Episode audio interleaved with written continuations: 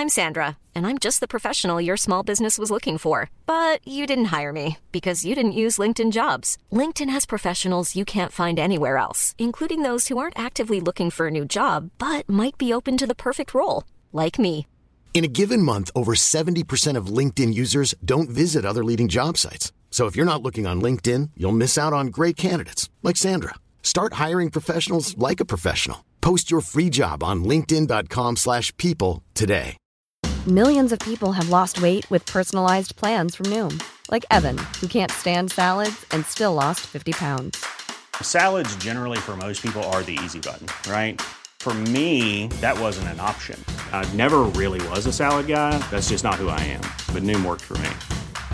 Get your personalized plan today at Noom.com. Real Noom user compensated to provide their story. In four weeks, the typical Noom user can expect to lose one to two pounds per week. Individual results may vary. Normally, being a little extra can be a bit much, but when it comes to healthcare, it pays to be extra.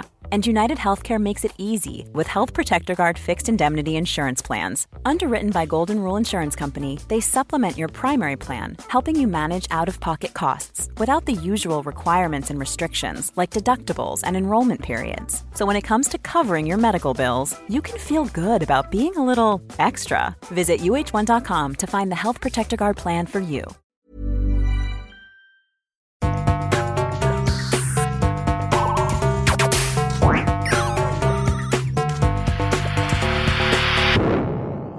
Velkommen til Sinnsyn. Jeg heter Sondre Risom Livre, er psykolog, og dette er Webpsykologens podkast. Hverdagspsykologi for fagfolk og folk flest.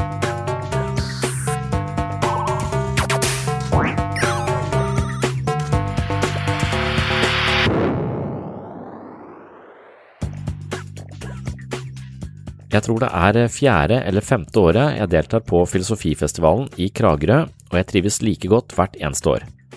Tema for festivalen 2019 var lykke. Som vanlig hadde de hentet inn dyktige filosofer, samfunnsvitere, psykologer og mediefolk fra hele landet, og programmet var utrolig bra. Det viste seg også at årets festival var den mest besøkte festivalen noensinne. På dette arrangementet har jeg blitt kjent med mange kloke og hyggelige mennesker, og jeg får samme rom på Victoria hotell hvert eneste år. Det liker jeg godt. Jeg har også med meg deler av familien min, og denne gangen var både min datter og min eldste sønn med. Det er også første gang de er med på et av mine foredrag. Sønnen min på seks år syntes nok det var litt kjedelig, og han ville ut og kjøpe vafler nesten hele tiden, men min datter på ti år satt stille og lytta i nesten en hel time. Etterpå spurte jeg henne om hun syntes det var greit å høre på, og hun sa at det var interessant, men at jeg brukte i overkant mange voksenord, og det har jeg hørt før. I denne episoden skal du få være med til en solfylt junidag i Kragerø. Det er 1. juni, så vidt jeg husker, og det er nesten fullsatt sal i et lokale de kaller for Løkka. Det er ettermiddag, og jeg skal snakke om lykke. Velkommen til en ny episode av Sinnssyn. I år er det ingen som har meldt avbud av de som har eh, eh, sagt at de skal komme. Og det er jo fantastisk bra. Men så viser det seg det at uh, dette arrangementet her, som skal være med Sondre Livrød Risholm, som står der borte, og Ole Martin Moen uh, Der har Ole Martin uh, ført inn feil måned. i sin almanakk eller kalender. Så jeg ringte han nå nettopp fordi jeg lurte på hvor var han hen. Nei, han var jo i Oslo. Hvordan det, liksom? eh, ja. Så da har eh, vi et lite problem. Sondre har eh, et lite problem, men ikke større enn at vi kjører med Sondre og dere. Jeg tror det kan bli like interessant at dere får være motparten til Sondre. Livrød. Da blir det mer muligheter for spørsmål og noen svar.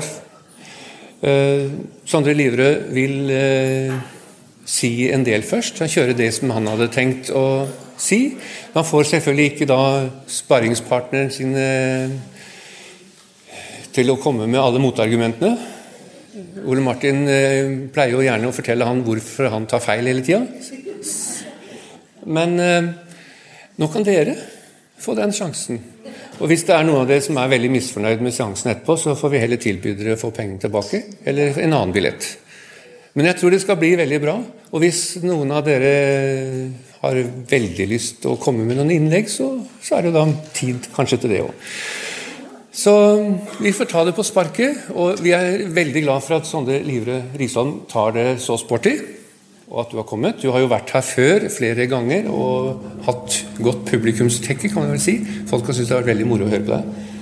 Så eh, da tror jeg rett og slett jeg skal bare si vær så god til Sondre Livre Risholm. Og så kan han sitte der som han skulle ha sittet og samtalt med Ole Martin. Og så kan han si de tingene han har lyst til å si, som han eh, da hadde forventa tilbakemeldinger på. Men så kan da dere være Ole Martin. Så går det greit. Vi prøver det sånn. Og hvis dere lurer på hva en mørkkledd kvinne fikk rundt å ta bilder for hele tiden, så er det altså på Instagram, Filosofifestivalen.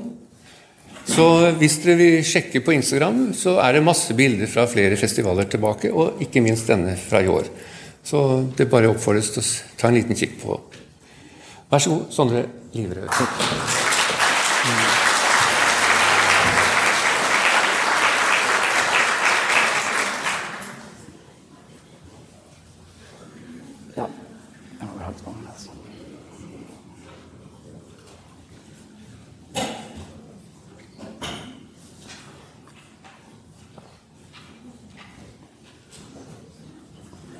Liverød. Jeg hadde jo veldig lyst til å snakke med eh, Ole Martin. Fordi at eh, jeg har aldri sagt noe som han er enig i.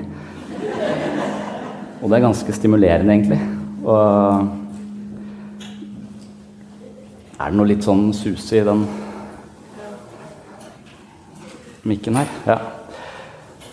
Så, så, det var synd at han, eh, han hadde tatt feil av eh, datoene. Og så pleier jeg også, Når jeg er her, så pleier jeg å snakke om hvor nervøs jeg er. Eh, men det at det, ikke er jeg som har gjort en feil, på en måte, det gjør at jeg eh, senker skuldrene ganske mye. Så, så nervøsiteten jeg hadde i stad, er litt borte nå. For nå tenker jeg det, hvis det går dårlig nå, så er det ikke min feil.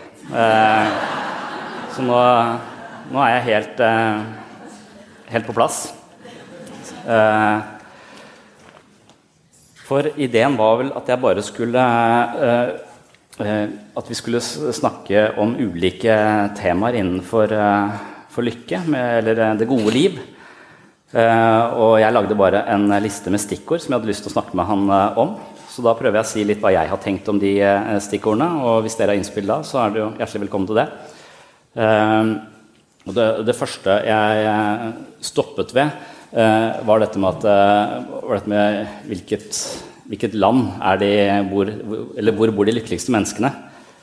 Eh, og i 2018 så ble vi eh, slått av Finland. Men vi har pleid å være I 2017 tror jeg vi var på førsteplass.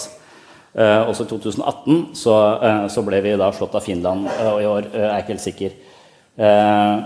Det, det, blir jo annonsert hvert år den 20. mars. Som er verdens lykkedag. Det fant jeg ut av. Det er også da kona mi har bursdag. Det fant jeg også ut av i år, så det, hun ble litt glad for det. at det hun har bursdag på verdens lykkedag. Eh, så på den lista, da, som eh, denne The World Happiness Report, eh, som, er, eh, som, er, denne lista de publiserer i avisene, så ligger da Finland, og så kommer Norge, Danmark, Island, Sveits, Nederland osv. nedover. Uh, og, og, det er jo en sånn uh, undersøkelse hvor, uh, hvor, spørsmålet er egentlig det jeg hadde lyst til å snakke med Ole Martin om. Hva er det egentlig de måler der? for det finnes en annen undersøkelse, en type sånn gallup, som blir gjort i 140 land. Eh, og Der kommer ikke Norge så eh, høyt opp. Der ligger vi langt nede på sånn 13.-plass. Og da er det eh, en del andre, bl.a. noen latinamerikanske land, men også afrikanske land. Paraguay, Colombia, El Salvador, Guatemala, Costa Rica og Ecuador ligger på henholdsvis første, andre, tredje, fjerde, femte og sjetteplass eh, på den lista. Eh, så det finnes en annen type eh, målinger av hvor det er best å bo, hvem som er lykkeligst, hvor vi altså ligger nede på 13.-plass, eller litt, litt lenger nedpå. Uh, og når jeg undersøker de, så virker det som de stiller spørsmål på en litt forskjellig måte. Den ene, den, den der, The Happiness Report, den er litt noe sånn retrospektiv. Litt sånn det man kanskje vil kalle evaluert lykke. Hvordan har du det egentlig, hvis du tenker på livet ditt sånn, sånn generelt sett? Uh, og da, jo, da spør de ikke hvor, hvor, hvordan har du det akkurat nå. Uh, de spør bare sånn generelt sett hvordan du har det. Så du lager da en slags uh, rekonstruksjon av din egen evaluering av livet ditt. og der ligger vi bra an. Så vi er gode til å snakke bra om hvor bra vi, vi har det. Men den, mens den andre undersøkelsen, hvor vi ikke gjør det så bra, der går de mer sånn inn hvordan har du det nå, eller hvordan hadde du det for noen timer siden, eller hvordan hadde du det i går? Var du sint? Var du glad? Eh, og, det er da disse eh, latinamerikanske landene ofte kommer bedre, eh, bedre ut. De, men de kommer også de kommer veldig, ganske høyt ut på at de har det veldig bra, de er veldig lykkelige, de er fornøyde, de sover godt osv. Men hvis du tar det på et litt dårlig tidspunkt, så svarer de tilsvarende at de også har det helt for jævlig. Så de svarer mye sterkere. De er, de er mye, og, og, det de mener er at de fanger mer opp en sånn kulturell variasjon, hvor disse latinamerikanske landene eh, snakker mer eh, på en måte, de, de, Enten så er de mer oppriktige, eller så overdriver de mer, eller så er de bare mer som vi kanskje tenker litt varmblodige. Mens eh, der jeg bor nå, på Sørlandet, så spør du, uh, hvis du spør folk hvordan de har det nå, så sier de 'greit'. sier de. Så vi er mer sånn moderate. Så på de undersøkelsene så, så er det altså stor, stor, forskjell på hvordan du spør. da. Og, og, og, da tenker jeg kanskje, ifølge en, en av disse psykologene, psykiater kanskje, en av de som har fått nobelpris, som heter Daniel Kahneman, som sikkert mange kjenner til, som snakker om at vi har to forskjellige selv. Vi har et selv som opplever eh, situasjonen akkurat sånn som vi har det akkurat nå. Eh, og så har vi et narrativt selv eh, som rekonstruerer fortiden vår og, og, på en måte forteller historien om vårt eh, liv. Hvem var du, på en måte, og hvem har du blitt, og hvordan, hvordan er du? Det er to forskjellige, forskjellige selv. Og, og, de to forskjellige selvene de snakker helt forskjellige språk. Så jeg kan ha hatt det ganske kjipt i en periode, mens når jeg forteller om den perioden nå, så har dette eh, narrativet selvet mitt lagd en litt annen vri, hvor det ikke er så kjipt eh, likevel. Eh, og, og, og, da tenker jeg når det kommer til lykke og det å ha det bra, så er det veldig viktig hva slags fortellerstemme har du dette narrativet selve. Hvordan rapporterer det at du har hatt det? Hvordan på en måte filtrerer det hukommelsen din og putter det i et enten negativt eller et positivt eh, lys? Eh, og, og, jeg tror jeg har en sånn positiv bias, på en måte, for jeg husker veldig sjelden kjipe ting fra, eh, eh, fra livet mitt. Eh, og det som eventuelt har vært kjipt, det husker jeg ganske positivt i dag.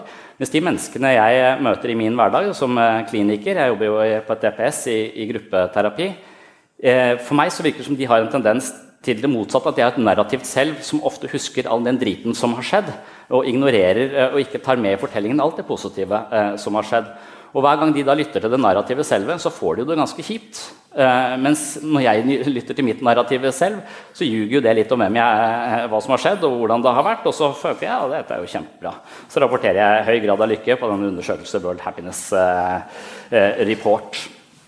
Så, så, på en måte kan man si at hvis du ønsker å leve et godt liv og, ha, og, være lykkelig, så spiller det jo en sentral rolle hva slags forfatterstemme du har i dette Eh, i dette narrativet selve.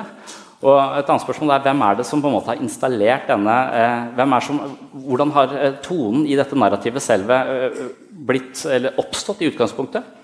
Og der kan jeg forestille meg at Psykologien har en del svar på at vi tenker at de menneskene vi er rundt når vi vokser opp, hva slags tilbakemeldinger vi får, er med på å på en måte stemme dette, dette narrativet selve og lage måter å snakke på, måter å forstå ting på, eh, som vi adopterer, og som blir vår måte å, å, forstå, eh, forstå, ting på. Eh, så, så, jeg tenker Det første jeg vil snakke med eh, Ole Martin om, da, var jo nettopp denne, disse to forskjellige selvene eh, til eh, Daniel Kahneman. Og hvordan vi får to forskjellige varianter av det å, å være lykkelige, lykkelige ut ifra det. Vi kan være veldig lykkelige akkurat her og, her og nå. Eh, og det er kanskje det eh, vil være det neste, det neste temaet mitt. Altså Hvis vi er veldig lykkelige her og nå, så er det ikke sikkert at vi har kobla på det narrativet selve. For det driver ikke og vurderer hvorvidt vi er lykkelige eller ikke. Vi er bare i situasjonen, vi er til stede her og nå eh, og, og engasjert i det som, i det som foregår. Eh, hvorpå vi i etterkant det narrativet selve kommer inn og husker som delvis at det var, var ganske, eh, ganske, bra.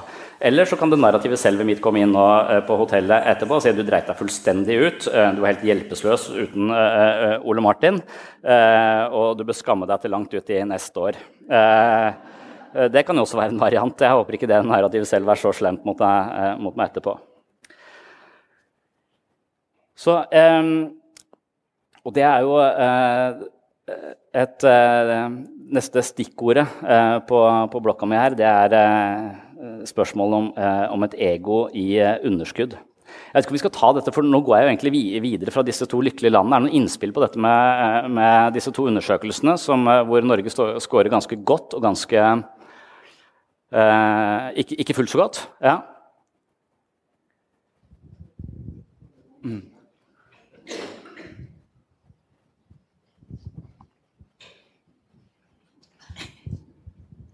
Ja, jeg tenkte først og fremst på den distinksjonen din mellom dette, dette ene jeg og det narrative jeg. Altså den måten vi bearbeider våre inntrykk på. da. Ja. Så har det jo litt grann, og no, Et element der er jo hvilken kultur man bor i. Mm. Er en del av. Fordi vi snakker jo om oppriktighetskulturer. altså Noen kulturer har jo en større grad av i alle fall, eh, Det ligger i kulturen da, at man har større grad av tillit og også tilknyttet oppriktighet. Og selv om i alle kulturer så finner du den distinksjonen. altså Med alle kulturer så vil nok jeg drive og lage slike narrativer. Men jeg tror narrativet f.eks. i vår kultur vil ha en større grad av den oppriktigheten. Eh, fordi det er jo et problem. Jeg så en artikkel for eksempel, som viste til dette med at You should always smile like the Americans. You know. Og Det kom masse negative reaksjoner på det. fordi Hvis du hele tiden skal gå rundt og smile, så er det noe som er feil. For det smilet er jo en kontrast til noe annet. Så, så, det er jo en måte man kan på en måte bedra seg på. Da. Men, og den norske kulturen i fall spesifikt, er jo veldig opptatt av denne oppriktigheten. Mm. Derfor så vil vi også i større grad rapportere fra det kritiske narrativet. Altså det negativt kritiske narrativet, vil jeg tro.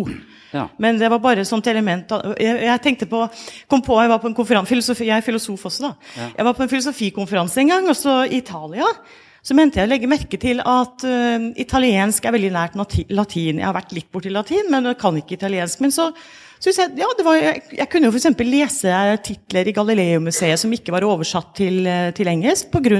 litt kjennskap til latin. Så sa jeg dette konferanse, han som arrangerte denne konferansen, da.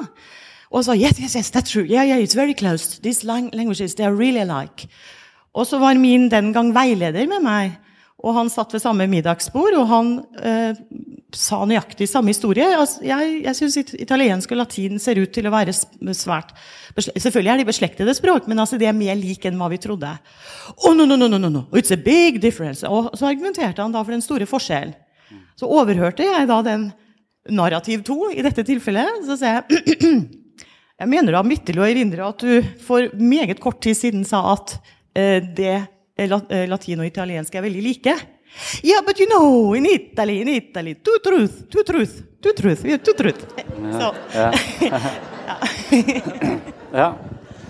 Det var, det Narrativene var, er litt forskjellige. Ja, det var veldig interessant. Da fikk jeg mange nye eh, tanker. Så, eh, for, for, det første, når jeg leste disse studiene, så så, jeg at det er én, spesielt én ting som Norge eh, og Danmark eh, til dels Sverige, men også Sveits og Belgia og noen andre land har til felles. Eh, og det er at vi har veldig høy grad av tillit. Eh, så er vi veldig tillitsfulle. Og det er en av de faktorene som stikker seg ut, og som mener korrelerer med at vi rapporterer ganske stor tilfredshet ved, eh, ved å leve her.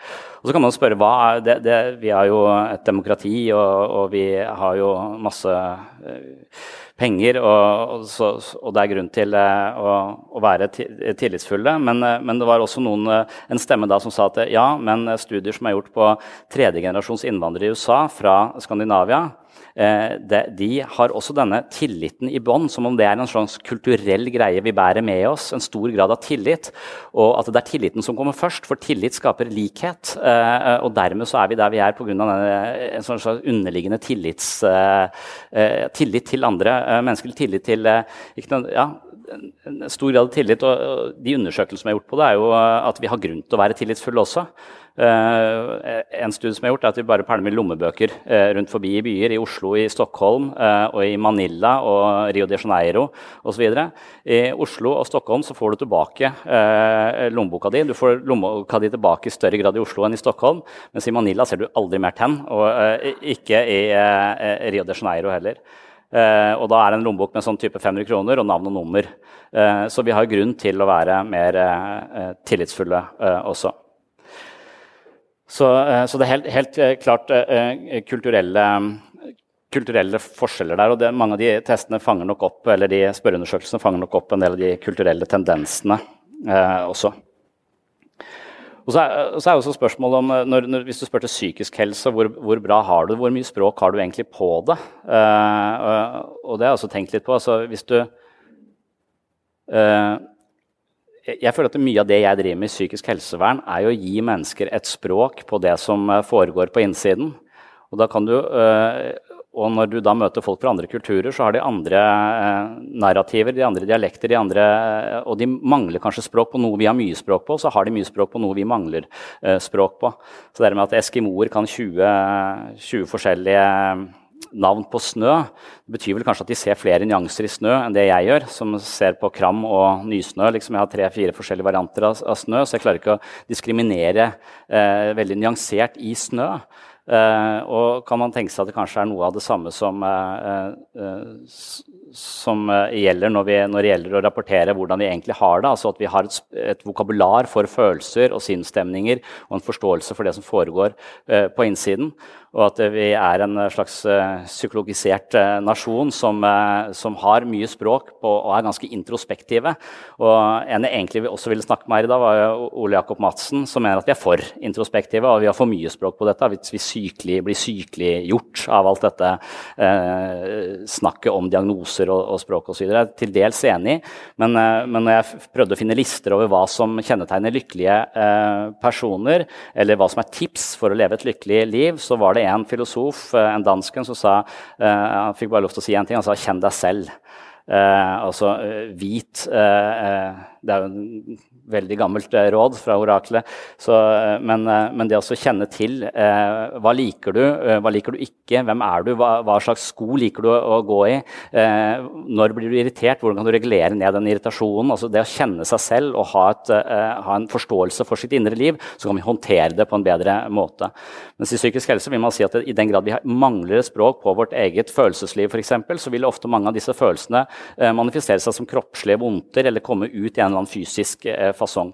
Du kan gå rundt og nekte for at du er irritert i, eh, i et helt år, og så kan du jo utagere på sjefen på julebordet uh, og så være sykemeldt resten av neste, neste året. fordi at du nei, jeg er ikke sint på han, og så, så, plutselig så drikker du litt for mye, og så kommer alt uh, på en gang. Så det at vi klarer å håndtere uh, vårt indre liv med språket på en psykologisk måte, det er vel det vi ser på som det vi kaller mentaliseringsevne. Evnen til å se sitt eget indre liv og forstå andre menneskers indre liv. Så det er en, eh, en, et, en viktig del av, eh, av, det å kunne rapportere oppriktig, i hvert fall. Ja. ja.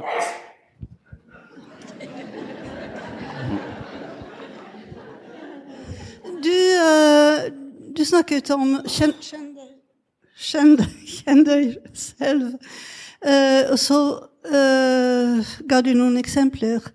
Men så, da du sa de ordene, så husket jeg straks på sufisme som sier eh, skal du kjenne deg selv Skal du kjenne Gud, så skal du kjenne eh, deg selv. Og det, og det er, nå, nå, har vi snakket om lykke, om mange ting, og ganske overfladisk, egentlig. Men det, det er en sånn, egentlig en dyp værende.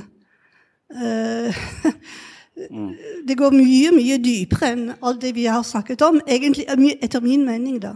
Ja. Og, og, så jeg, lurte på, hva, hva syns du om den uh, det, uh, å uh, kjenne seg selv? altså, Vil du kjenne Gud, så kjenn deg sjøl.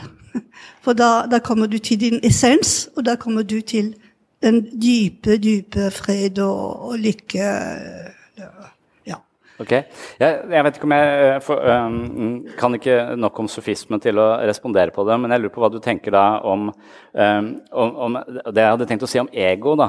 Uh, altså at et, uh, Jeg vil tenke at de fleste um, uh, så, Sånn jeg forstår kristendom, sånn også handler det jo egentlig om å transcendere seg selv på en eller annen måte.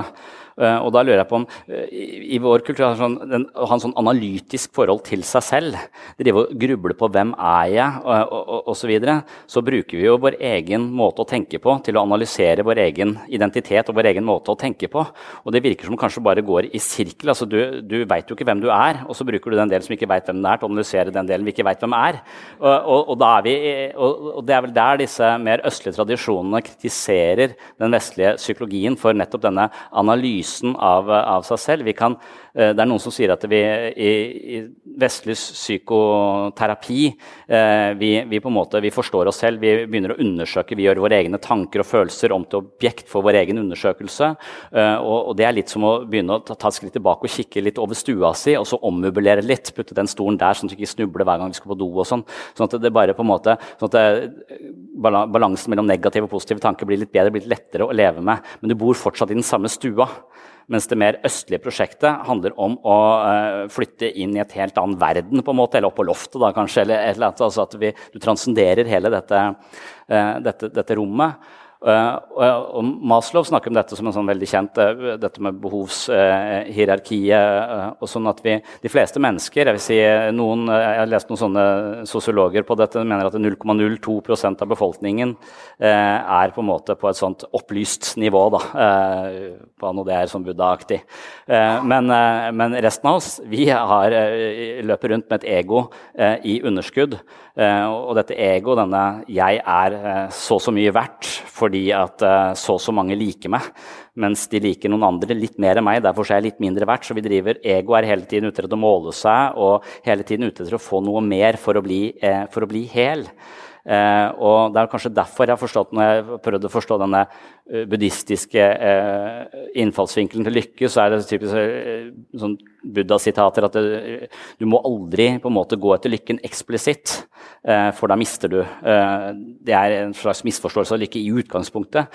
For at når du hele tiden går etter noe du trenger, altså du, lykken blir målet, jeg skal bli lykkelig, så er du på en måte kronisk ulykkelig, for du er misfornøyd med der du er, og du skal et annet sted enn der du, der du er nå. Og det er denne bevegelsen bort fra nuet som er den store misforståelsen som gjør livet en lang, eh, slitsom krampetrekning. Eh, og jeg tror det er der eh, det å kunne hvile i seg selv og være oppmerksom på disse ego-behovene. Og Maslow mener at vi, de fleste av oss er på da, et underskudd. Vi, har, vi, trenger oppmerksomhet, vi trenger anerkjennelse, vi trenger eh, klapp på skuldra, noen som liker oss, noen som elsker oss. Vi trenger å tro at vi er verdt å elske. alle disse tingene, Og det har vi aldri helt nok av. Eh, men hvis vi får nok av det, hvis det kommer til et tidspunkt hvor vi får nok eh, eh, sunn narsissisme, eh, så vil behovene våre endre seg fra å være egosentriske til å bli mer altruistiske. Så vi går fra å være egosentrisk til å på en måte Behovene mine er ikke noe at du skal like meg, men behovet mitt er å bli kjent med deg, forstå deg. altså at Jeg, har, jeg ønsker deg vel.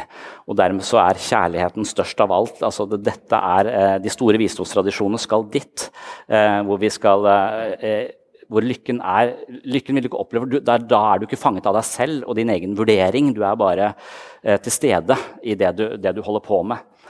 Så jeg kan tenke at det er en litt sånn eh, jeg kan godt forstå den, eh, den definisjonen si, av, av, lykke. og så Kanskje han syns den ligner litt på den der, flow-ideen til han Mihaili Csikszentmihalyi, helt umulig navn å uttale, som er kjent for dette flow-begrepet.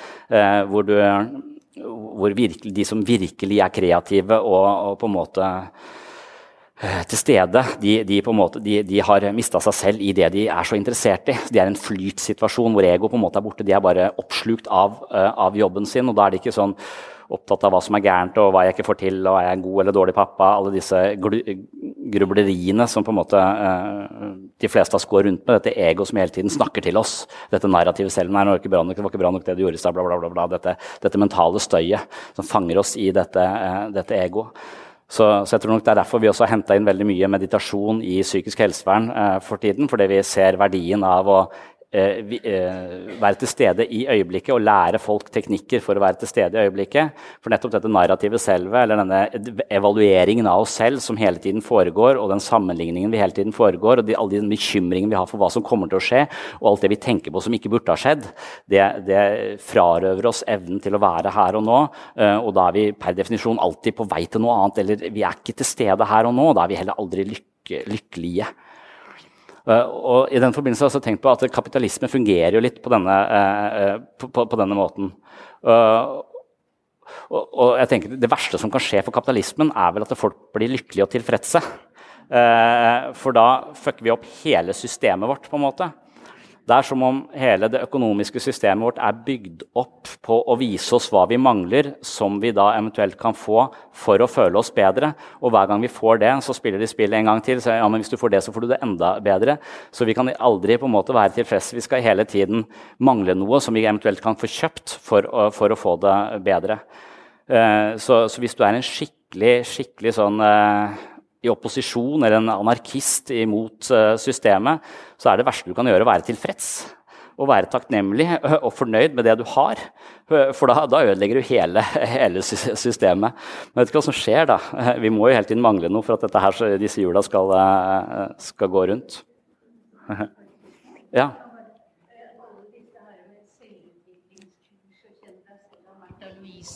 Alle disse 'Kjenn deg selv' og Märtha Louise, alle disse ekstreme selvopptatthetskursene. Er det bra i det hele tatt? Det er jo aldri snakk om hva du kan gjøre for andre. liksom Bare 'jeg, jeg, jeg blir kjent med meg'. Ja, og, ja, og der, der det er veldig delt på selv. For jeg hører jo til den uh, kategorien du uh, er litt sånn uh, krass mot der, kan man si. Ikke sant? Jeg har jo to selvhjelpsbøker til salgs rett utenfor døren her. Eh, eh, så, eh, og, Det var også derfor jeg har, har hatt ønske om å snakke med Ole Jakob Madsen om disse, disse, tingene. For vi står på hver vår side av den. Jeg, jeg, jeg, tilbøyelig til å være enig eh, med deg. At det, det, finnes en, sannsynligvis en sånn type New Age-narsissisme, eh, Whitney Houston-yoga, eh, hvor folk under en sånn fane av medmenneskelighet og raushet og spiritualitet egentlig er bare dypt og inderlig egoistiske. men, men de men, men man, en av mine ting har vært at jeg har vært så opptatt av selvhjelpslitteratur. Jeg hadde en sånn periode hvor jeg prøvde å lese de 100 mest solgte selvhjelpsbøkene. Og, sånn. Og, og, noen har kanskje litt den auraen over seg, men veldig mange anerkjenner jo nettopp dette med å For at jeg skal bli en best mulig pappa, f.eks., eller en best mulig partner, så bør jeg kjenne til mine egne følelser. Jeg bør klare å regulere dem. Jeg bør være interessert i mitt eget ego i underskudd. For hvis jeg ikke forstår mitt eget ego i underskudd, så utageres det. Så jeg må bli kjent med mine mørke sider, ta ansvar for dem, eh, for å på en måte eh, vokse opp til et nivå hvor jeg har mer kjærlighet å gi til andre. Så det er akkurat som vi er nødt til å starte der, eh, på en måte. Så, så, vi kan godt si Men hvis det blir en sånn forherligelse av meg selv, og ikke noe jeg gjør for å for meg selv, men også for at jeg da kan bli et bedre med, uh, medmenneske, så tror jeg du er litt på feil, uh, på feil spor. Så, men, men jeg, jeg, føler jo at når, uh, når Ole Jakob Madsen, som ikke er her, så forsvarer seg nettopp he, Han har skrevet en bok um, 'Det er innover vi skal gå'. og Det har jeg faktisk diskutert med han, for han har skrevet en bok 'Det er innover vi skal gå', og han mener det ironisk. Og jeg har skrevet en bok som heter nesten det samme, og jeg mener det ikke ironisk. jeg mener at vi, vi skal det. Eh, for jeg opplever bare at, eh, at eh, vi, hvis ikke vi tar ansvar for hvordan vi konstruerer våre egne opplevelser av oss selv og verden, så vil noen andre gjøre det. Og jeg tror vi lever i en kultur hvor det står store selskaper i kø for å hacke oss å ta oppmerksomheten vår. Så hvis ikke jeg mer på en måte tar ansvar for min egen oppmerksomhet, så kommer jeg til å sjekke Facebook 150 ganger i løpet av en dag eh, og kjøpe ting jeg egentlig ikke har bruk for, uten at jeg veit hvorfor. Eh, for det er store firmaer som eh, Facebook, Google osv. som på en måte de hele forretningsideen er at de selger vår oppmerksomhet. Jo mer de klarer å ta vår oppmerksomhet, eh, eh, jo mer penger tjener de, og jo kortere og mer meningsløst blir livet mitt. Eh, og jeg får ikke betalt for det. Jeg, får, jeg bare bruker tid på noe ikke jeg får noe, får noe ut av.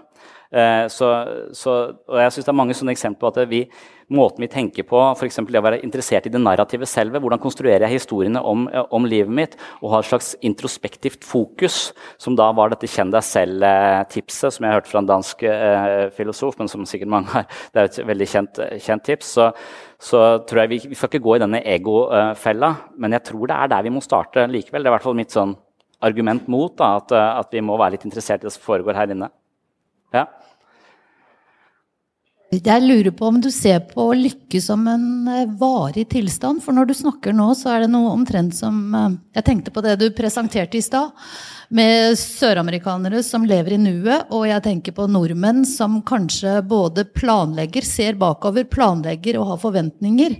mm. om noe som skal komme.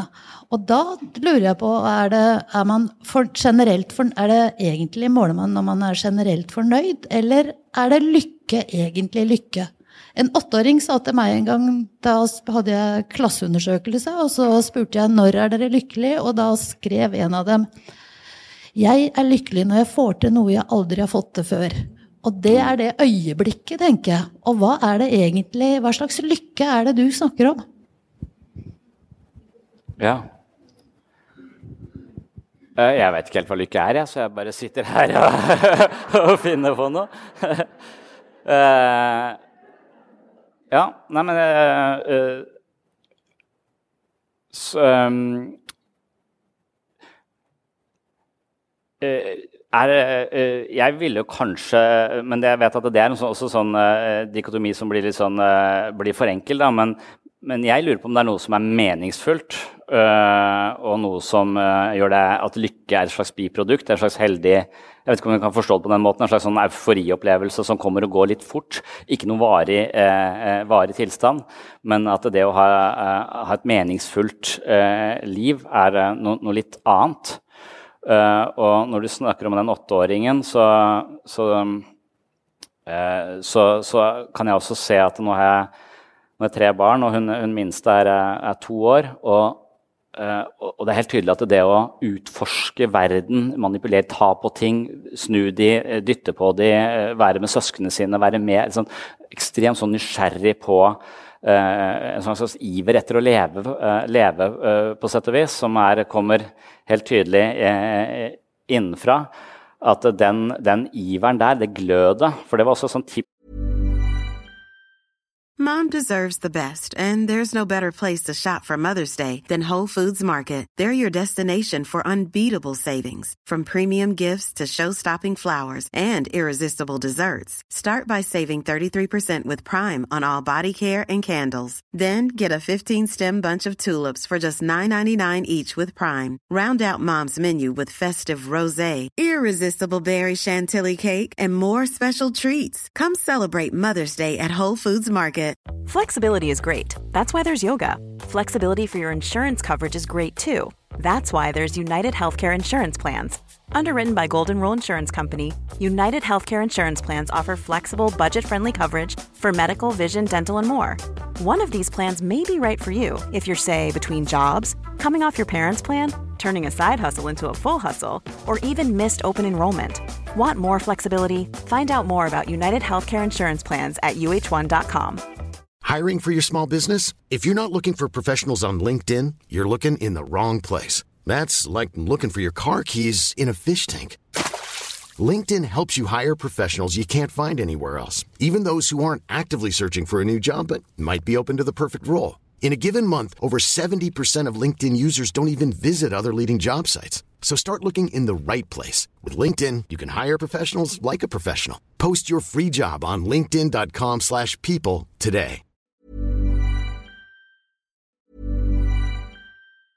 Normally, being a little extra might be a bit much, but not when it comes to healthcare. That's why United Healthcare's Health Protector Guard fixed indemnity insurance plans, underwritten by Golden Rule Insurance Company, supplement your primary plan so you manage out of pocket costs. Learn more at uh1.com. Mom deserves the best, and there's no better place to shop for Mother's Day than Whole Foods Market. They're your destination for unbeatable savings, from premium gifts to show stopping flowers and irresistible desserts. Start by saving 33% with Prime on all body care and candles. Then get a 15 stem bunch of tulips for just $9.99 each with Prime. Round out Mom's menu with festive rose, irresistible berry chantilly cake, and more special treats. Come celebrate Mother's Day at Whole Foods Market. Imagine the softest sheets you've ever felt. Now imagine them getting even softer over time. That's what you'll feel with Bowl and Branch's organic cotton sheets. In a recent customer survey, 96% replied that Bowl and Branch sheets get softer with every wash. Start getting your best night's sleep in these sheets that get softer and softer for years to come. Try their sheets with a 30-night guarantee. Plus, get 15% off your first order at bowlandbranch.com. Code BUTTERY. Exclusions apply. See site for details. Så jeg prøvde å lese meg opp det, sånn, eh, Ta initiativ, sto det. Eh, så jeg tror det å ha denne nysgjerrigheten på andre, på de tingene som er, er, er rundt deg, er det som kanskje gir deg eh, plutselig, sånn Bivirkning er kanskje lykke innimellom, men kanskje også et meningsfullt eh, liv. Eh, og, og, der tror jeg det er også en del krefter som jobber imot oss. Eh, fordi at jeg tror med en gang, så, så, så lenge denne motivasjonen kommer innenfra, Eh, så tror jeg den er helt genuin. Jeg tror du lever et veldig godt uh, liv. Men med en gang den Istedenfor at den kommer innenfra, du blir pålagt mange ting og følger eh, masse ytre krav osv., så, videre, så tror jeg kanskje at du får en mer defensiv motivasjon som handler om å tilfredsstille hva andre mener og syns at du burde være. Eh, så at vi veldig raskt som barn mister den der indre motivasjonen og blir mer opptatt av hvordan bør jeg være, og så blir vi målt på skolen, og så får vi masse krav på oss. Så interessen for geografi forsvinner i eh, frykten for å ikke få en god nok karakter. Eh, og det samme skjer i vårt system, altså i psykisk helsevern. Dette er skrevet dette er utagert i avisene i det siste. Eh, til eh, ledelsen i, jeg si at ledelsen i Sørlandet sykehus er veldig flotte og fine mennesker. Men eh, de pålegger oss hele tiden nye krav og føringer. For Norge er det eneste systemet i Europa som driver New Public Management i, eh, i sykehussystemet. Eh, så hver gang det er noe som ikke funker, så skal de bare stramme inn, gi, oss flere skjemaer, korte ned tidsfrister, gi oss flere tidsfrister. Så spørsmålet er på et eller annet tidspunkt så føler jeg at istedenfor å være nysgjerrig på det mennesket som kommer inn foran meg og tenker her er et liv jeg skal få ta del i, dette er et menneske jeg kan bli kjent med, så tenker jeg Eh, er du suicidal? Eh, eh, hvor deprimert er du? Og så er jeg mer motivert av å ikke få røde merknader i journalsystemet mitt og rekke alle tidsfrester enn egentlig høre etter på dette hvem dette mennesket er. Så den motivasjonen som kommer innenfra Jeg mener at jeg ble psykolog fordi jeg ønsket, hadde et ønske om å Jeg var interessert i mennesker og et ønske om å hjelpe de også. Det var også masse ego der som ville være viktig, og sånn, og så videre, men det var også noe der som ønsket. Men etter hvert så føler jeg at at krav utenfra kan drepe, og vi får mer defensiv motivasjon. Og jeg føler at det er kongeveien til utbrenthet. Og det føler jeg foregår både på folk jeg snakker med som jobber i skolevesenet osv., opplever også dette byråkratiet som, eh, som noe som, eh, som, tynger. Også denne genuine nysgjerrigheten eh, som man kanskje kan oppleve på et uh, universitet. Altså, når jeg gikk på universitetet, så var jeg Endelig fikk jeg lov til å lese bøker jeg bestemte selv. til en viss grad var et lite pensum jeg måtte gjennom, Men så fikk jeg lov til å bestemme bøkene selv. Jeg plukka alle bøkene. Og det å lese en bok du selv har bestemt deg for å lese, det er noe helt annet enn å lese noe som uh, noen har sagt du må, uh, må lese. Ja. Så jeg tror den nysgjerrig, Barnets nysgjerrighet, hvis man kan ivareta det, så tror jeg man uh, det tror jeg en, kan stå på lista over ting som kanskje gir, deg et meningsfullt liv, kanskje. med innslag av lykke men ikke et kronisk lykkelig liv. Kronisk lykke det tror jeg hvis du er på heroin hele tida. Uh, uh, uh, det var litt derfor jeg hadde lyst til å snakke med Ole Martin. for han påberoper seg å være hedonist, og jeg har ikke helt forstått den posisjonen alltid.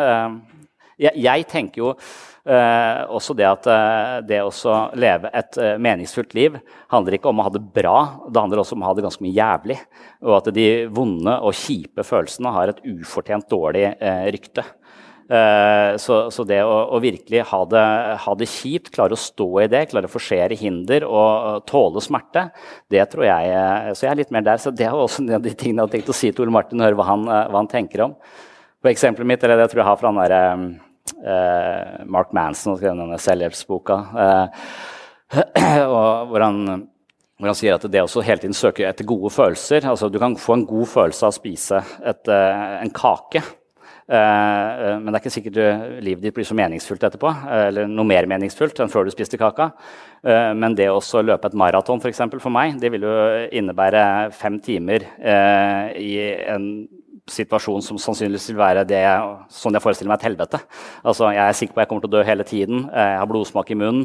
Jeg angrer på at jeg i det hele tatt starta på dette her. Kroppen min virker som den skal gå i fillebiter. Altså, fem timer med veldig veldig mye negative følelser. Men i etterkant Jeg har prøvd å løpe ganske langt en gang. Eh, eh, så hadde jeg det kjempebra. Jeg var stolt. Jeg følte mestring. Eh, jeg tenkte at jeg eier kroppen min. Jeg kan bruke det. Så det, det ga meg mye mer enn å spise en kake. ja. Mm. Jeg har et spørsmål, eller en- tanke som slår meg. Jeg er veldig enig i mye av det du sier. Og så blir jeg litt sånn skremt hvor ufri vi mennesker er. Frihet er for meg et ord som er forbundet med lykke. Altså, når jeg kjenner at jeg er fri, altså når min tanke er fri, min handling er fri, jeg ikke behøver å være så avhengig av hva andre måtte mene om hva jeg tenker og sier og, og gjør, men at jeg eier min egen frihet og ansvar for mine egne handlinger, gjør at jeg føler meg fri. Og når jeg er fri, da blir jeg trygg, og da får jeg det godt. Ikke sant? Ja. Så det hvis man ser bort ifra likesene på Vær på Facebook, men drit i likesene! Ikke sant? Mm. Ikke gidd å se på dem engang, for det er ikke interessant der. Det Mm. er ikke det som er interessant for å være der. Ikke sant? Bare vær fri, vær deg selv. Eh, Finn ut av hva som gjør at du får din egen trygghet. Da får du frihet, tenker jeg. Mm. Og når du forteller det du forteller om ja, jobben din og Mm. public management og alt dette her som, som bare binder oss opp, altså. Det binder opp tanken vår, det binder oss opp helt. Og hvordan skal vi bli lykkelige da? Og da må vi kanskje shoppe, da. For å få det øyeblikkslykke, fordi vi, vi klarer ikke å matche opp med noen ting. ikke sant? Mm. Eller drikke. Ja, eller drikke. Eller røyke hasj, eller ja. ja, ikke sant? Det er ganske skummelt, altså. Mm. Ja, det, er, jeg det kan tenke at eh, Jeg husker en professor, jeg husker ikke hva han het, men han, eh, jeg var på foredrag, han snakket om, eh, om dette det som på en måte han snakket, Jeg tror han snakket om samfunnslag og forskjellig helse, og hvorfor de levde mye kortere noen steder enn andre steder. Um, og Det handlet om utdannelse, men han mente det handler ikke så mye om utdannelse. Så lærer du ting, men det er ikke så mye det du lærer. Det er at det, med lang utdannelse så får du ofte en jobb med stor grad av frihet. Hvor folk ikke driver og stempler deg inn og ut og overvåker deg fra det ene øyeblikket til det andre. sånn at hvis det plutselig er på en måte veldig noe du er nødt til å ta deg på hjemmebane, så kan du fikse det. Eh, Du er ikke fanget av et system som da eh, gir deg sparken. Så jo mindre utdannelse, jo større sjanse er det for at du blir på en måte for lite frihet og blir eh, i ganske sånne trange rammer. Da. Så han sier som professor så kan jeg være borte en uke uten at noen legger merke til det, sa han på universitetet. Og det gir han stor grad av frihet, som også da gir han kanskje den indre motivasjonen til å gjøre en jobb. Og det, er, det vil være mitt, det er noe som heter pakkeforløp i psykisk helse nå, som, som liksom skal strømlinjeforme dette systemet vårt mye mer, gi oss kortere tidsfrister og, og, og videre, og tror at det skal løse eh, løse de, de problemene, men da, da, da kommer det noen sånne overformyndere. Og, og det der med at tillit eh, Hvis folk har tillit til meg, så gjør jeg, og tenker jeg at vi gjør en god jobb hvis vi har tillit. Men idet vi blir eh, styrt, eh, så får vi den mer defensive eh, motivasjonen, og jeg blir litt mer vrang å ha med eh, å, å gjøre. Og det er Ja, jeg, jeg tror den, den mangelen eh, på frihet gjør at jeg blir en dårligere terapeut, at jeg gjør en dårligere jobb, og at jeg bruker halvparten av tida mi på det jeg kaller bullshit-oppgaver. som, eh, som også ja. Men, men på den annen side så kan du, eh, det er et argument mot det der òg. At, at frihet er nettopp det som har gjort oss mer og mer deprimerte og gitt oss mer og mer angst. Så det må kanskje være en cutoff et sted der. Eh, For hvis du tar, eh, Jeg vet ikke om det stemmer, men det er kanskje en annen type frihet du, du snakker om. Jeg forstår det eh, veldig godt, men, men så, så kan det være en del studier som peker Jeg tror Kaja Melsom har vært der flere ganger og snakket om denne fordømte friheten. og Jeg har det fra den boka til Barry Swatch eh, som heter eh, 'The Paradox of Choice'. Eh, og noen andre som, som sier at det, at det som eh, Når vi har blitt så frie, eh, eller vi har satt friheten i høysetet, og vi er opptatt av veldig mange valgmuligheter, men når vi eh, har så masse valgmuligheter og har så mye frihet, så, så blir det også litt for mye ansvar på våre egne eh, skuldre. Så når vi da skal eh, velge hele tiden, og vi har så mange valgmuligheter, så blir det så eh, altavgjørende om vi velger riktig. Og når vi da velger feil, så skjønner vi ikke hvordan vi kunne klare å velge feil når vi hadde så mange muligheter. Eh, og, og da får vi en sånn type anger i etterkant som på en måte forpester mye av dette å være lykkelig også. Det står også på lista mi som en sånn ting som virkelig ødelegger Eh, følelsen av å være tilfreds og lykkelig, kanskje takknemlig, eh, hører inn under denne eh, kategorien. Og et illustrerende eksperiment på det der er han Dan Gilbert, eh, eh, som, eh, som tok for seg han, en gruppe med studenter som, eh, som ble opplært i å ta fotografier, fikk et kurs. Eh, og Så delte de gruppa i, i to, Og, og så fikk den ene gruppa vite at her er de to beste bildene. Eh, dere kan eh, ta med dere ett bilde hjem, eh, men det andre bildet skal vi beholde.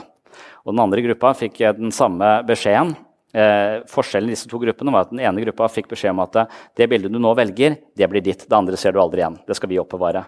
Mens den eh, andre gruppa fikk at du kan velge et bilde nå, men i løpet av en uke så kan du komme inn og bytte det hvis du angrer. Eh, så de la inn en valgmulighet eh, i, eh, i, denne eh, situasjonen hvor man kunne angre seg.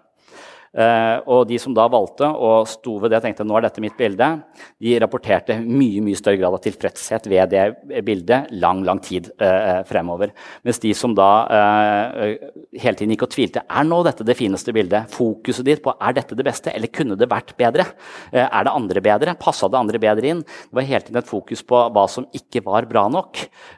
og de følte aldri noe særlig god følelse for dette bildet, selv etter at tidsfristen var gått ut, og etter at de eventuelt hadde bytta bytta. Så de fikk aldri den samme følelsen og samme godheten for dette, eh, dette bildet.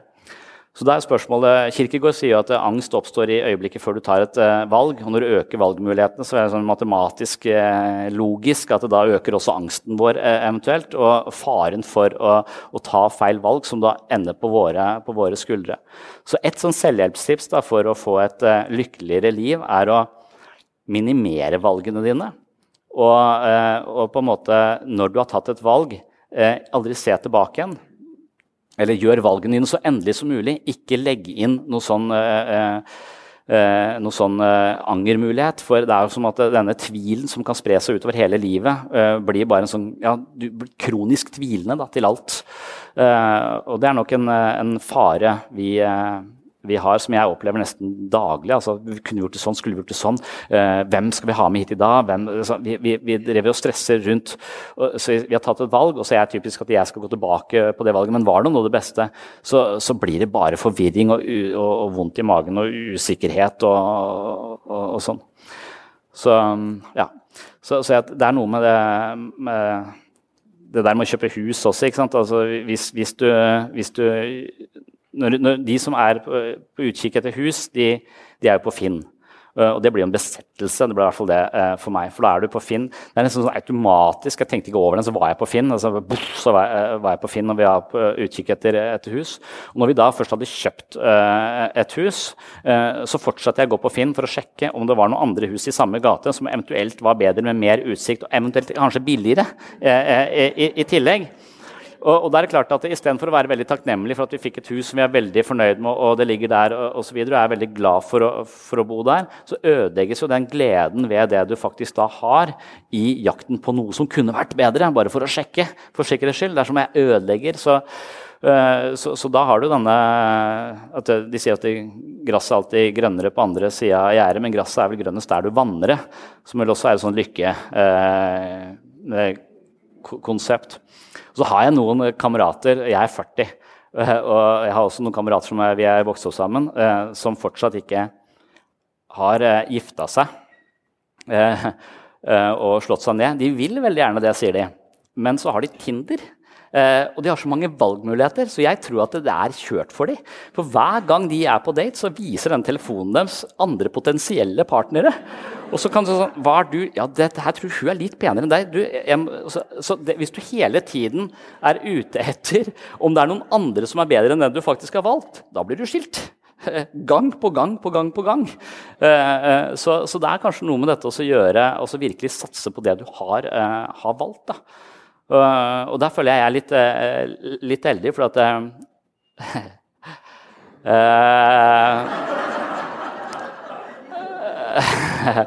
Nå tror jeg ikke kona mi er her akkurat nå.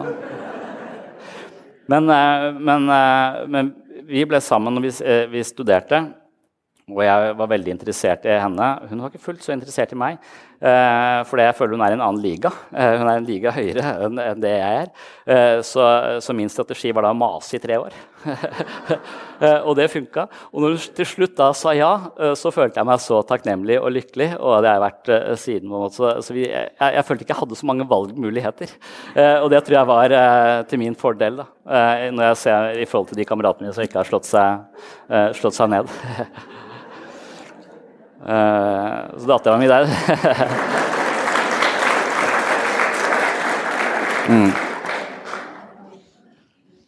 Ja. Det var et spørsmål der, ja. Jeg synes det er interessant det du har nevnt med ja, Du nevnte det kapitalistiske samfunnet, og du snakker mye om valg. Og selvhjelpsbøkene handler jo også mye om valg. Og ved å lage selvhjelpsbøker og snakke litt sånn som du gjør, så bygger du jo litt opp under dette med å, at man faktisk skal velge sitt liv, og det er opp til en selv om man lykkes eller ikke. Og jeg syns det står litt i kontrast til en mer sånn østlig tankegang hvor man skal akseptere sin skjebne. Og, og på en måte finne sin plass og innfinne seg med det som skjer til enhver tid. da. Så jeg synes det har vært interessant å høre hva du mener om det. For veldig mye av de tingene som påvirker lykken vår, de velger vi jo ikke selv. Altså Syrerne velger ikke at det blir krig, man velger ikke om man får kreft, man velger ikke foreldrene man er født av, f.eks. De tingene må man jo forholde seg til. Og da, da hjelper det ikke med en selvhjelpsbok, kanskje. Så det har vært interessant å høre hvordan du setter det å velge, å være fri til å velge, det individualistiske prosjektet opp mot en sånn skjebnetankegang. da, Å finne, eh, finne seg til rette med sin skjebne. Ja.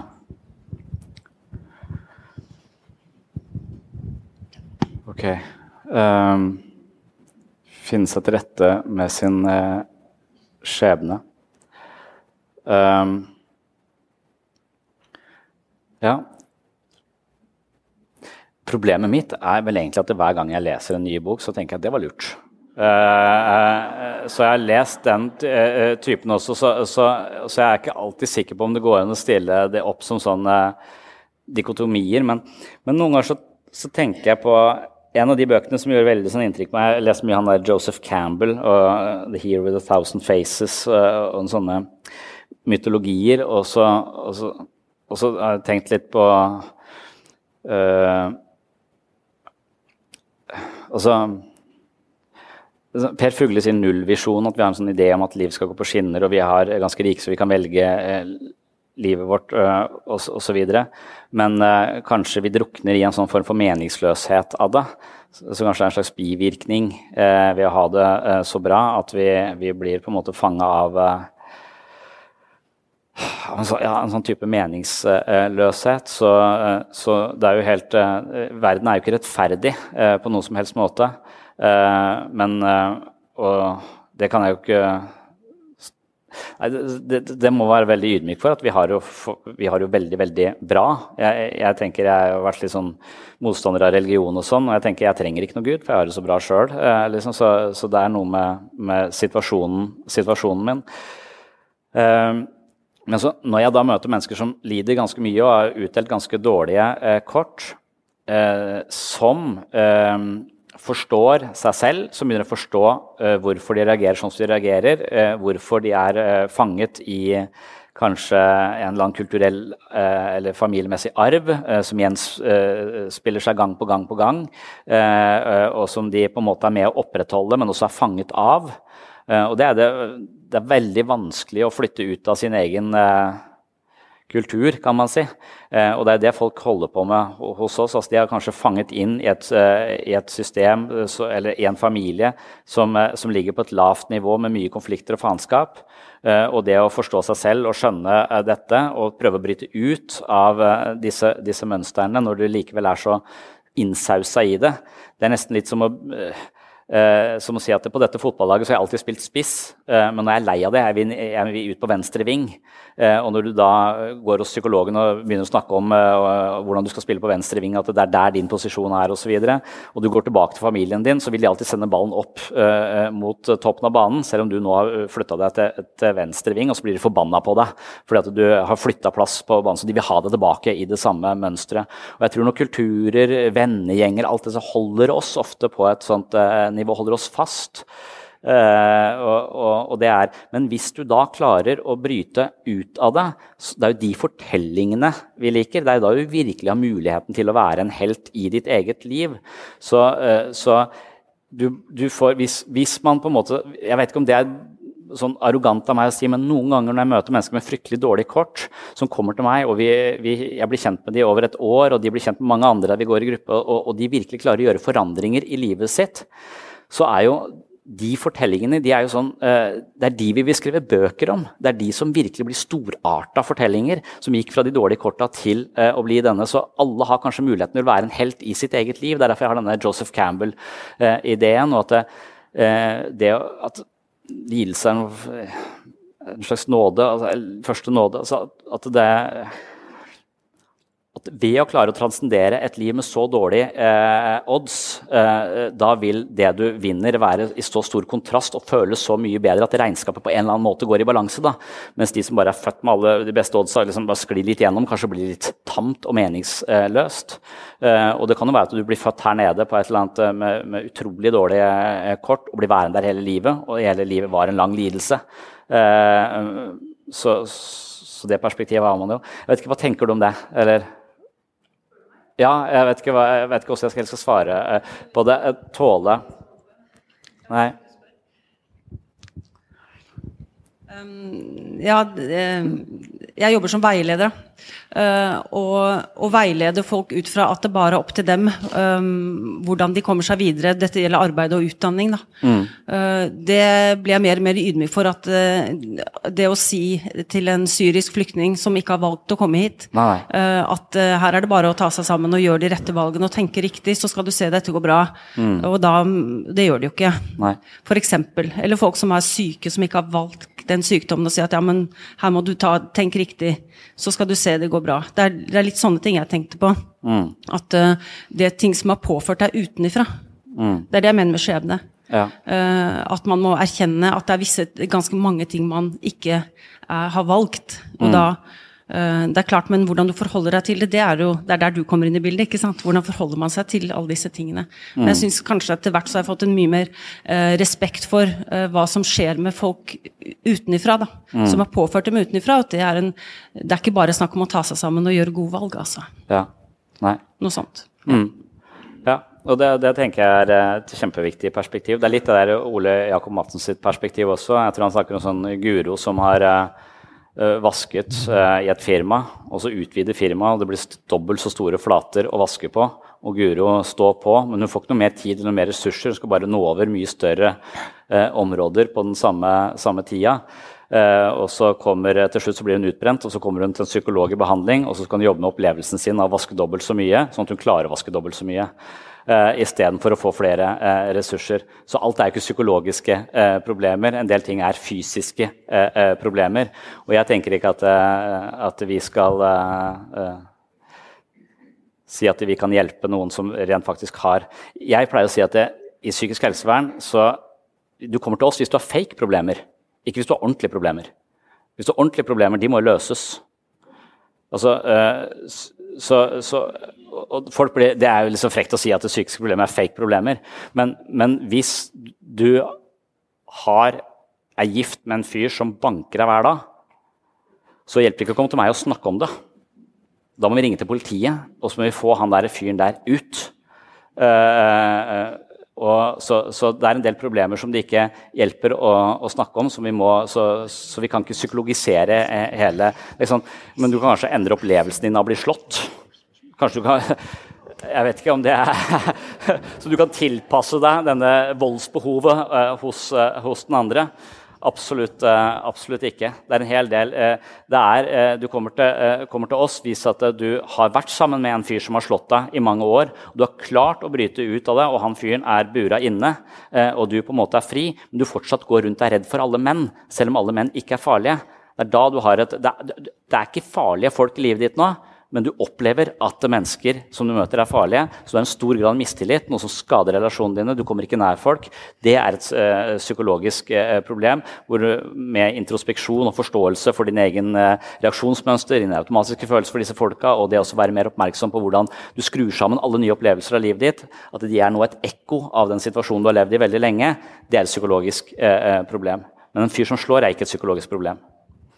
Her kommer et siste spørsmål. Endelig har jeg som mann greid å grabbe mikrofonen. Det har bare vært spørsmål for kvinner hittil. Ja. ja. ja.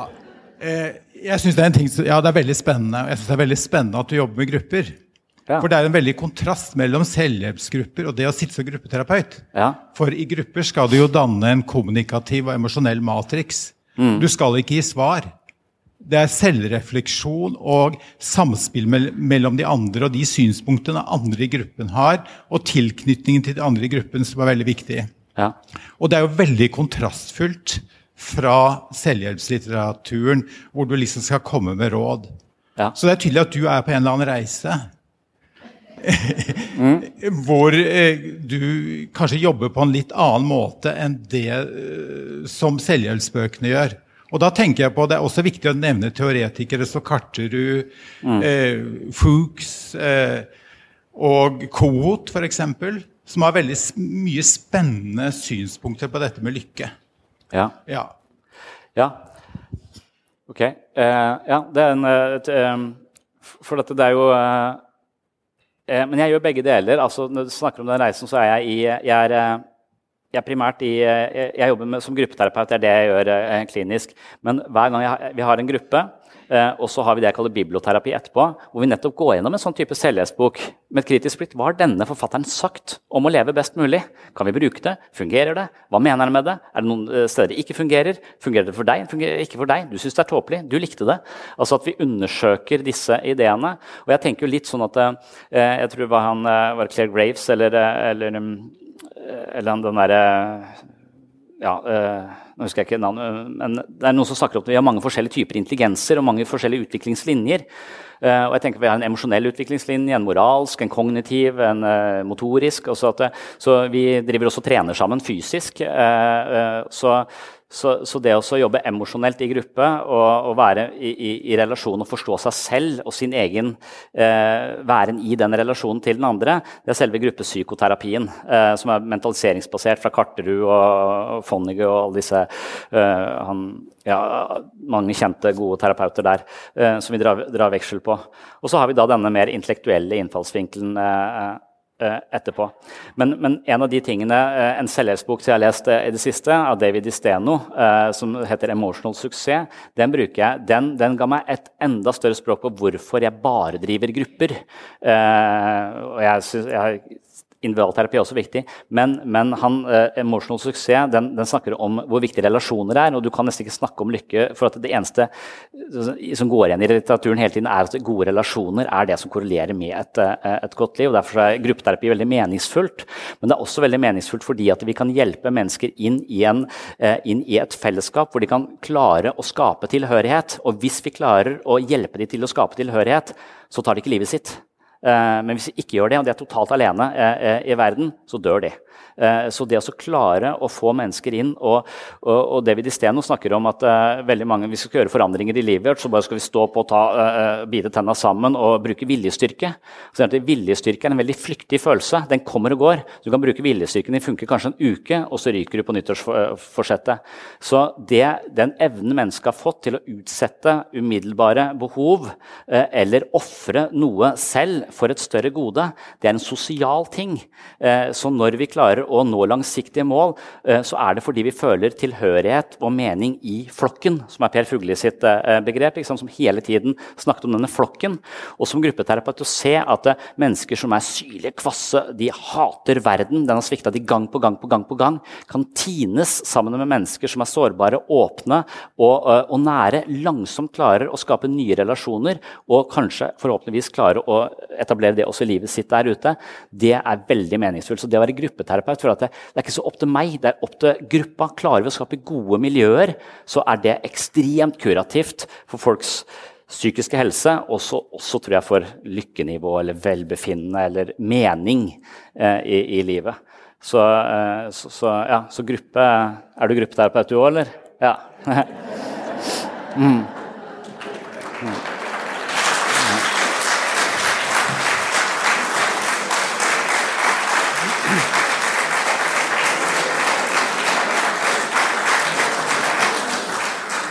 Ja, du fikk en velfortjent applaus. Vi trengte ikke Ole Martin i dag. Nei, men han kommer i morgen, gjør han ikke? Han kommer, i, han kommer ja. i morgen. Han har ringt og sagt at han kommer i morgen. Så bra. Han uh, skal være til stede på uh, Skal vi se, det var i morgen, ja. Uh, her klokka 17 i morgen. Da er det snakk om kjemisk lykke sett fra en kantianer og fra en hedonist-synspunkt. Så da får vi jo Ole Martin allikevel, men nå skal vi konsentrere oss om at du har gjort en kjempejobb. Og vi skal overrekke en liten symbolsk takk for at du stilte opp. Det er en bok, 'Kragere og malerne'. I år er det ikke den vanlige rødvinen, men eh, en, et lite minne. Og hjertelig takk igjen. Tusen takk. Ja. takk for eh, nå, og takk for at du hører på Sinnsyn. Takk til eh, alle de frivillige og alle primusmotorer bak eh, Filosofifestivalen i Kragerø. Jeg må bare si at jeg elsker det stedet. Jeg synes det er fantastisk å ta turen til Kragerø en helg på begynnelsen av sommeren, så det setter jeg stor pris på. Veldig glad for å bli invitert dit, og veldig glad for å kunne bidra der, og veldig interessant å høre de andre bidragsyterne, så den festivalen anbefaler jeg på det varmeste. Og de folka som driver den, de er også helt fantastiske. Så en eh, oppfordring fra meg, altså du bør få med deg Filosofifestivalen i Kragerø 2020. Da er temaet tid. Jeg er fortsatt litt usikker på om jeg skal eh, bidra der. Jeg håper å bli invitert. Jeg kommer nok uansett om jeg skal bidra eller ikke, for eh, det er for meg begynt å bli starten på, på sommeren, og et sted jeg virkelig eh, trives. Så ta turen til Kragerø i år, 2020. Få med deg masse interessante mennesker, snakke om tid. Og ellers så får jeg bare beklage til de som satt i salen og var eh, eventuelt eh, allergiske mot fremmedord eller eh, barn. Altså, jeg så ikke så mange barn, bortsett fra min egen datter, men da var det jo greit at vi fikk eh, avklart noen av de fremmedordene både på begynnelsen og på slutten av denne episoden, og da var det KLM som sto for disse avklaringene av ulike typer fremmedord. Litt usikker på om jeg brukte akkurat de fremmedorda, men nå vet vi kanskje litt mer om hva de vanligste fremmedorda betyr. Takket være KLM, så takk til dem. Og takk til alle dere som har eh, anbefalt podkasten eller rata den i iTunes eller kjøpt bøkene mine osv. osv. Og, så videre, og på gjenhør i eh, kommende episoder. Jeg vet at jeg kommer til å snakke mer om lykke i tiden fremover. Eh, jeg tenkte mye på det temaet i forbindelse med denne festivalen, og en god del av de tankene har jeg ikke fått eh, uttrykt enda, så det kan godt være at de dukker opp i kommende episoder. Så stay tuned og på gjenhør.